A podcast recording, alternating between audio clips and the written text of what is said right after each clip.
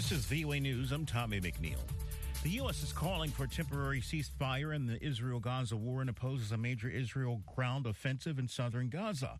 Reuters correspondent Olivia Zellino explains. The United States has proposed an alternative draft United Nations Security Council resolution. According to the text seen by Reuters on Monday, it calls for a temporary ceasefire in the Israel Hamas war and opposes a major Israeli ground offensive in Rafah in southern Gaza.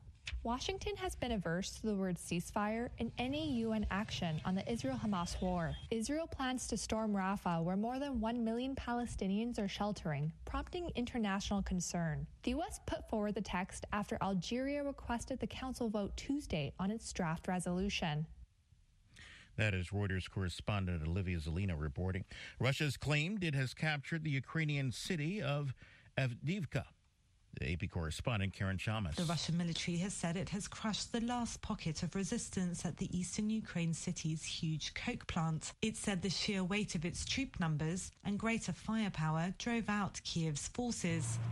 Footage from Russian state broadcaster RTR showed Russian tanks moving through the destroyed city. A Russian commander known as Hermes responded to a reporter asking if the city was under Russian control.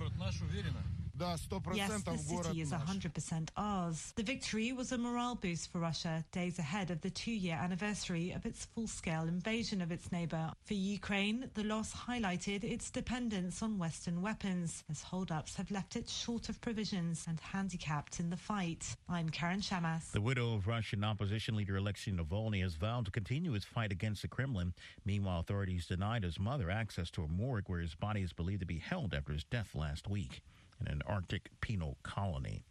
This is VOA News. Residents in Democratic Republic of Congo's city of Goma are depending on scant food supplies as a conflict in the country's east between the army and rebels has cut off supply routes. Reuters correspondent David D- David Doyle reports. Clashes in towns and villages around the provincial capital have escalated since the start of the year. As the M23 rebel group has seized territory, thousands have sought refuge in Goma. Around 135,000 have fled the town of Sake in the past week, according to the United Nations Refugee Agency. They join hundreds of thousands displaced around Goma since 2022 due to the ongoing fighting. The UN agency has warned that the conflict, including indiscriminate bombing, risks exacerbating the strain on already limited resources to cater for the influx. Reuters' David Doyle. AP correspondent Jackie Quinn reports on the federal government increasing its investment in U.S. computer chip production. The Biden administration says it's investing over a billion dollars to help a computer chip company, Global Foundries, expand its production facilities in New York and Vermont. Last year, President Biden vowed to expand domestic production of computer chips to avoid the shortages that developed during the pandemic. We can never let that happen again. The money comes from a bill passed in 2022 that allows the government to invest billions in chip making manufacturers, which helps supply smartphones, military equipment, and electric vehicles. We're going to make sure the supply chain for America begins in America. The projects in Malta, New York, and Burlington, Vermont are expected to create 1,500 manufacturing jobs, along with 9,000 construction jobs over the next decade. I'm Jackie Quinn. Astronomers have discovered what may be the brightest object in the universe.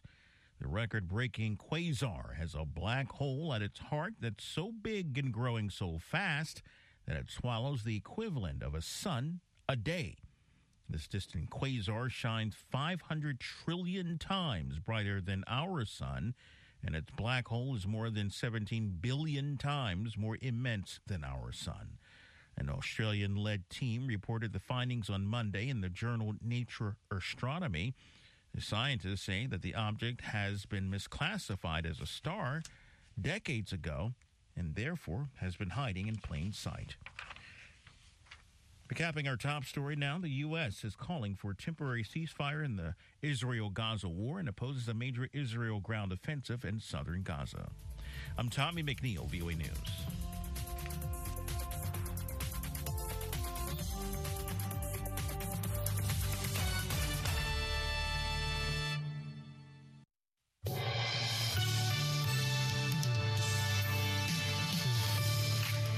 Alexei Navalny's widow vows to continue his work.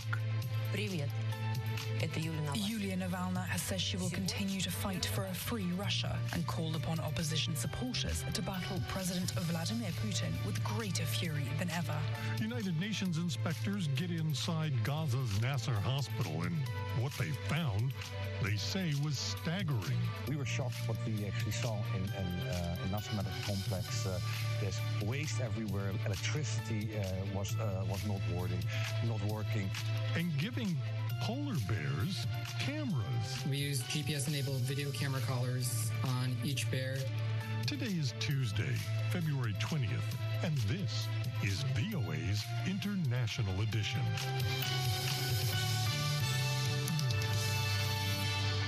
I'm Scott Walterman.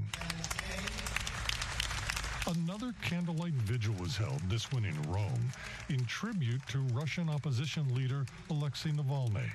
Demonstrators brought flowers and candles and applauded his memory during an evening vigil. I'm so sad. I don't know what to say. I mean, that was the hope on our future, and now I feel that our hope is dead. So I'm in, in panic now. I don't know what to do and I don't want to go to Russia back. His widow, Yulia Navalny, has vowed to continue his fight against Russian President Vladimir Putin. Here's Reuters correspondent Rachel Judah. Привет.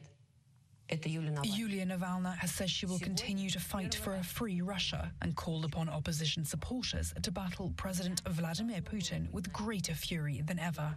Navalny's widow directly blamed the Russian president for her husband's death, saying he had killed him and robbed their children of a father. Her message was posted on Alexei Navalny's YouTube channel in a nine minute video titled, I will continue the work of Alexei Navalny. It is unclear in what capacity Navalny will do so. On Monday, Navalny attended a meeting of European Union foreign ministers in Brussels.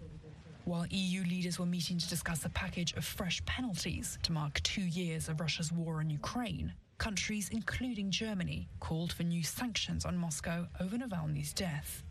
Here's the EU's foreign policy chief, Josep Borrell. Yes, member states will propose sanctions for sure against the responsible. Well, the, the, the great responsible is uh, Putin himself. But we can go down to the institutional structure of the penitentiary system in Russia. But don't forget who is the real responsible for the Navalny's death. Authorities said the 47 year old opposition leader died suddenly in an Arctic prison on Friday after allegedly falling unconscious on a walk. Navalny was serving a three decade sentence. The whereabouts of his body are still unknown, but citing an investigator, an ally of Navalny, Ivan Zhdanov, said on Monday tests on his body would take 14 days to complete. Not far from the penal colony where Navalny was being kept, his mother was seen visiting the local investigative committee office on Monday, where she is attempting to arrange for her son's body to be handed over. The West and Navalny's supporters say Putin is responsible for Navalny's death. The Kremlin has denied involvement and said the Western claims that Putin is responsible are unacceptable. Putin has made no public comment on Navalny's death, but it has further deepened a gaping schism in relations between Moscow and the West. Floral tributes have been laid for Navalny outside Russian embassies, like these in London, and in Russian cities at makeshift memorials, like this one in St. Petersburg. Local authorities have been sending people to remove flowers, but people continue to bring more. Navalny's death robs Russia's disparate opposition of its most charismatic and courageous leader as Putin prepares for a March election that will keep him in power until at least 2030. Reuters correspondent Rachel Judah. Navalny met with EU foreign ministers in Brussels, where she'd been invited after the death of her husband. So, what can we expect from her and this pledge to continue his work? Joining us now to talk about this is Alexei Gorbachev with VOA's Russian service. Tell me about her, about her, who she is, her life, uh, her, her, what we know about her so far.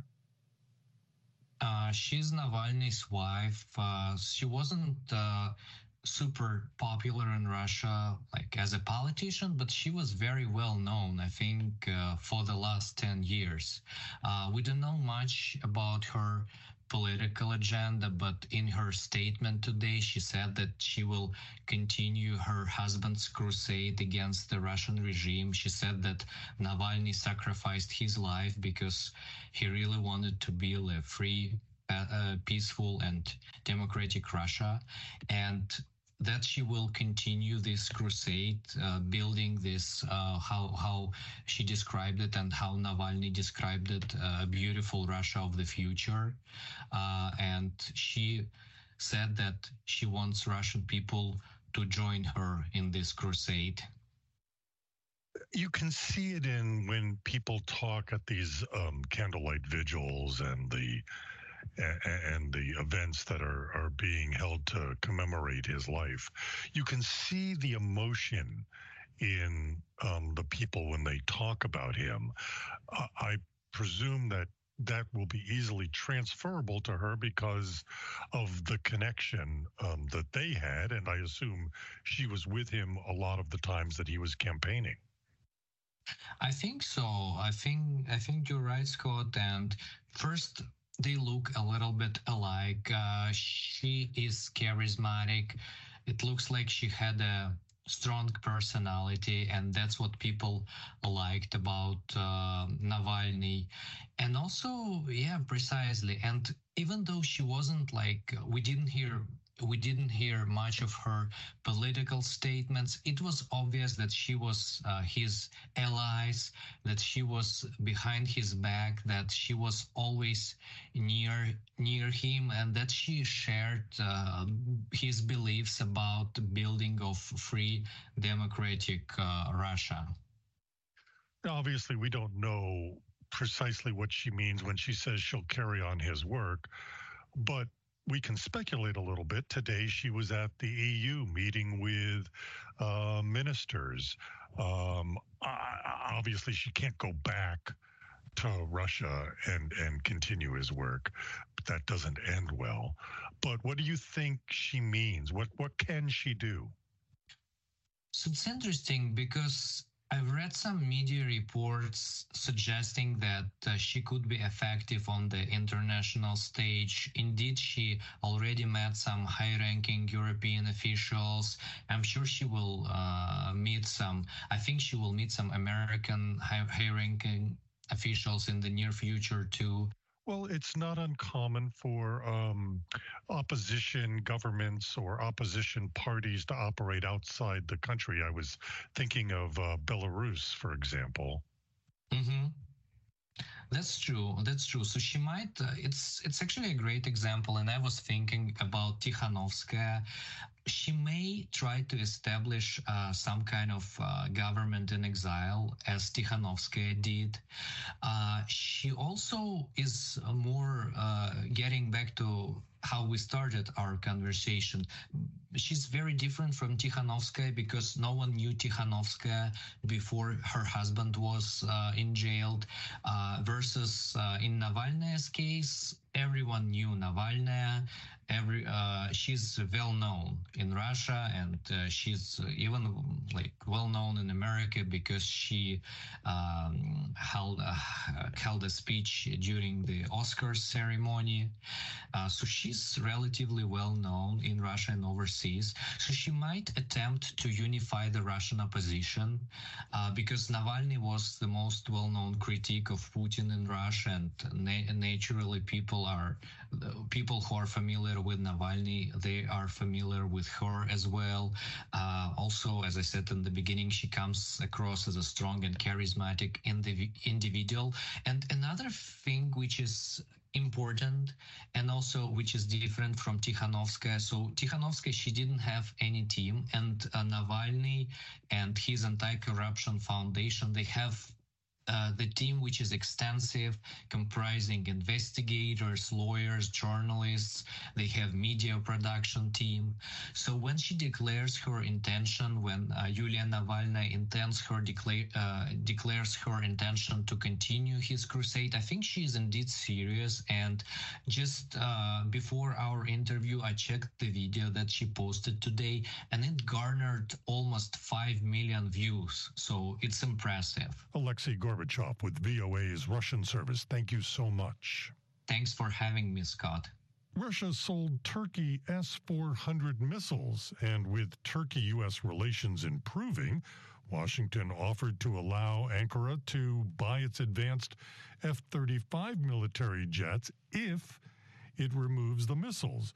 But as we hear now from Dorian Jones, the missiles remain a potent symbol of deepening Turkish Russian ties. Turkey's purchase of the United States advanced F 35 military jet could be back on the agenda. Ankara was kicked out of the jet program after it purchased Russian S 400 anti aircraft missiles, which Washington said compromised the F 35's stealth technology. But during a visit to Istanbul last month, acting U.S. Deputy Secretary of State Victoria Nuland offered to revive the jet sale if the Russian missiles were removed to a third country.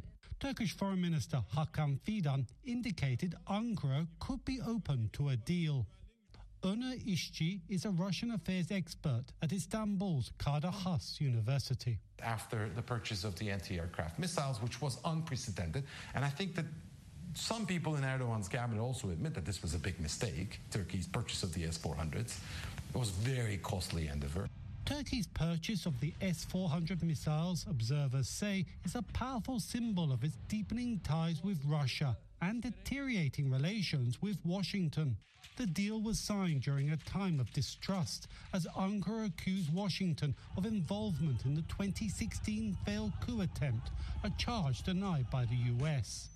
Turkey's ties with the US have been improving with Ankara's ratification of Sweden's NATO membership and Washington reciprocating by allowing the sale of F 16 jets to Turkey. But the F 16 is inferior to the F 35, which neighbour and rival Greece is set to purchase as part of its military modernisation.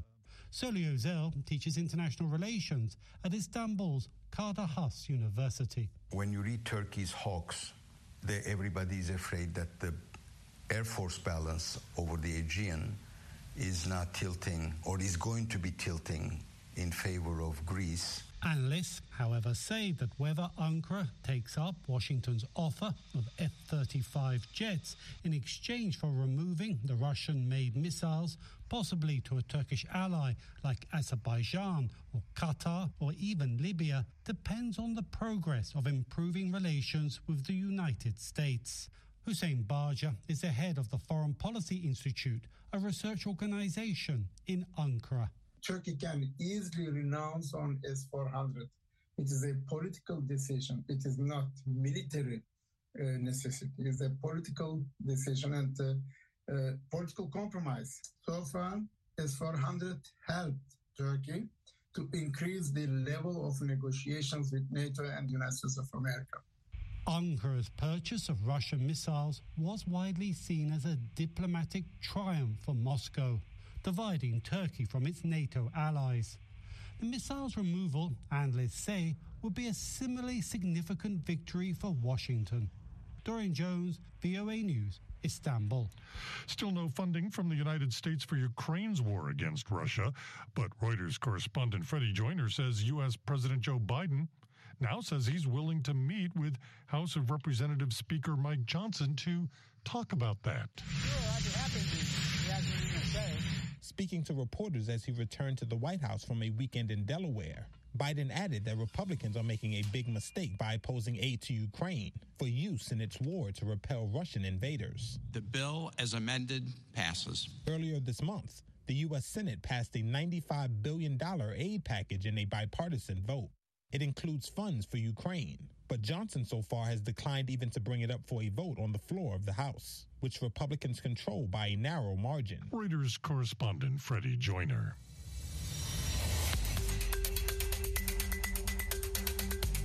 We're following these these other stories from around the world, the United Nations Secretary General will begin consultations on the appointment of a U.S. envoy to coordinate engagement between Afghanistan's Taliban government and the international community. We want a Afghanistan in peace, peace with itself and peace with its neighbors, able to assume uh, uh, the commitments and international obligations of a sovereign state. UN Secretary General Antonio Guterres.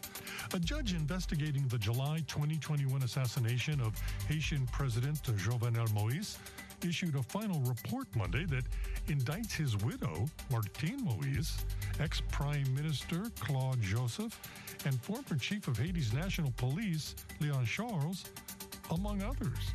Charles, who now serves as Haiti's permanent representative to the Organization of American States, faces the most serious charges murder and attempted murder. Martine Moise and Joseph are accused of complicity. Indian farmers' unions have rejected five year contracts for minimum support prices proposed by the Indian government. The Indian government has offered guaranteed support prices in a bid to break a deadlock with protesting farmers. Protests in Israel against the government and for the return of hostages held by Hamas since soon after October 7th. They have been mostly peaceful. That changed Monday as protesters in Jerusalem scuffled with police while calling for the hostages' return.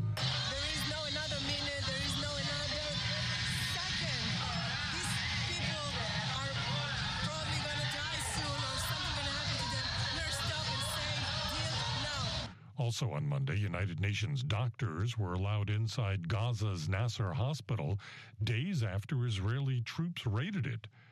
Dr. Richard Peeperkorn says what they saw was stunning we were shocked what we actually saw in in, uh, in Nasser Medical Complex. Uh, there's waste everywhere. Electricity uh, was uh, was not working.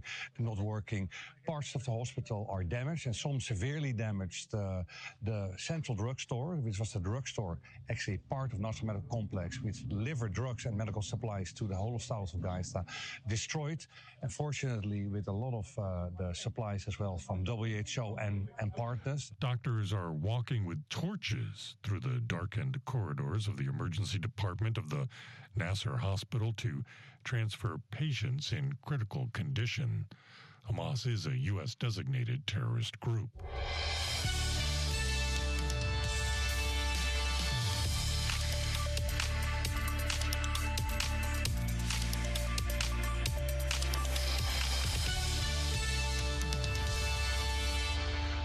International Edition continues. I'm Scott Walterman.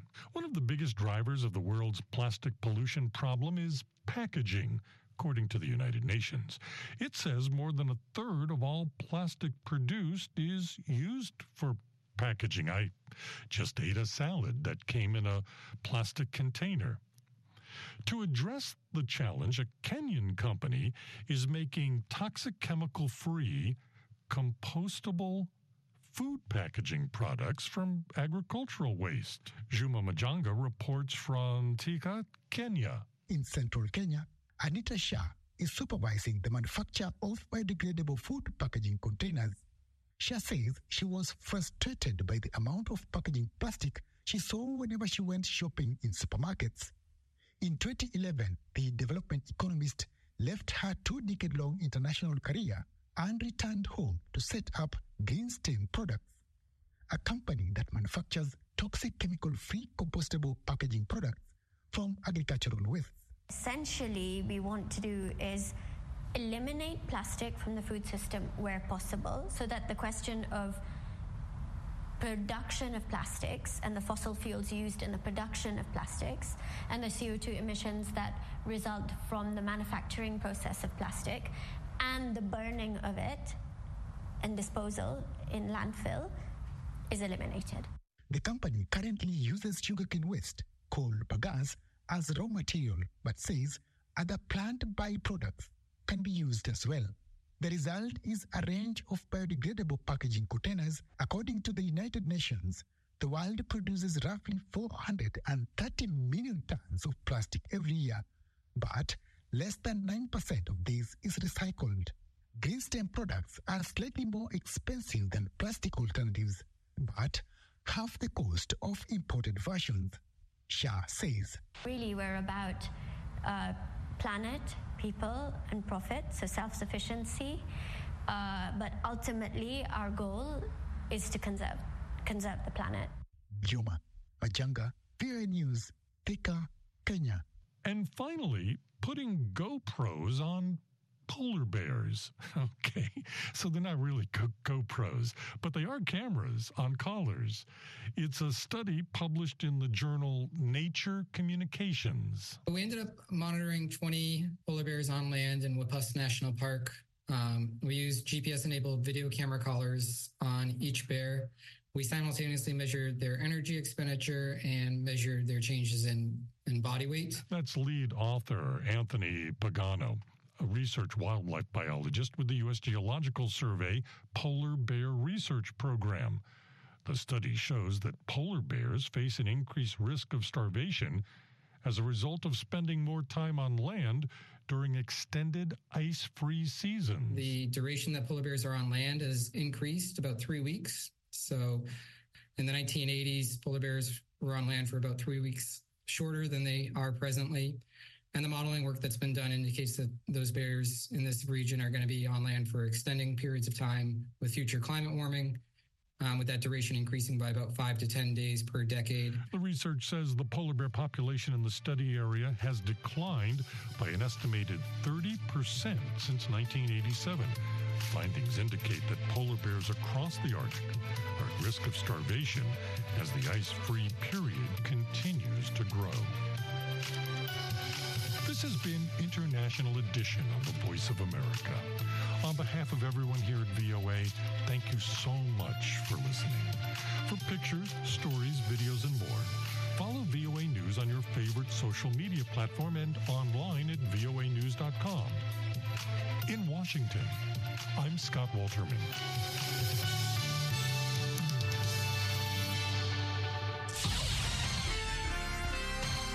Next, an editorial reflecting the views of the United States government. Throughout the world, and despite international condemnation, conflict related sexual violence is used widely as a tactic of war and terrorism. Indeed, there is ample evidence to back up a harsh, harsh reality that sexual violence continues to be used as a weapon of war, said Linda Thomas Greenfield, U.S. Representative to the UN women's bodies are being used as a weapon of war, used to terrorize, to destabilize, and to break communities down. It is used to silence people, to make them think that they are alone, that their lives are not worth living. We owe it to the courageous survivors who have come forward, to the victims who have been silenced by fear and shame, and to those who have been killed before they could even tell their stories, to take on this epidemic of sexual violence, said Ambassador Thomas Greenfield. There are three core tasks before the international community. The first is holding perpetrators accountable, and I'm proud that the United States has taken action to that end. We're naming and calling out as specially designated global terrorists, ISIS leaders who have committed sexual violence against Yazidi women and girls, sanctioning Haitian gang leaders for human rights abuses, including sexual violence, and nominating perpetrators of sexual violence to the UNDRC Sanctions Committee. Doing so deters others from enacting this kind of violence. It strengthens the rule of law. It makes reconciliation more likely. In other words, it is, for so many reasons, the right thing to do.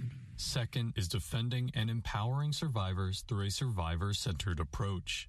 That means listening to survivors, responding to their unique needs, and providing the medical care, psychosocial support, and legal resources that they need, said Ambassador Thomas Greenfield. Finally, we must recognize that gender based violence is fundamentally rooted in gender inequality. If we want to tackle the problem of sexual violence, we need to understand the underlying societal norms and systemic inequities that, when combined with weak or absent state institutions, lead to that violence. In the long term, the best defense is an equitable, just society where the human rights of all are respected, where women and girls can access educational opportunities, and where everyone can enjoy equal justice under the law, said Ambassador Thomas Greenfield. For the millions and millions of women whose stories aren't being told, let us hold perpetrators accountable and let us really center survivors in our work. That was an editorial reflecting the views of the United States government.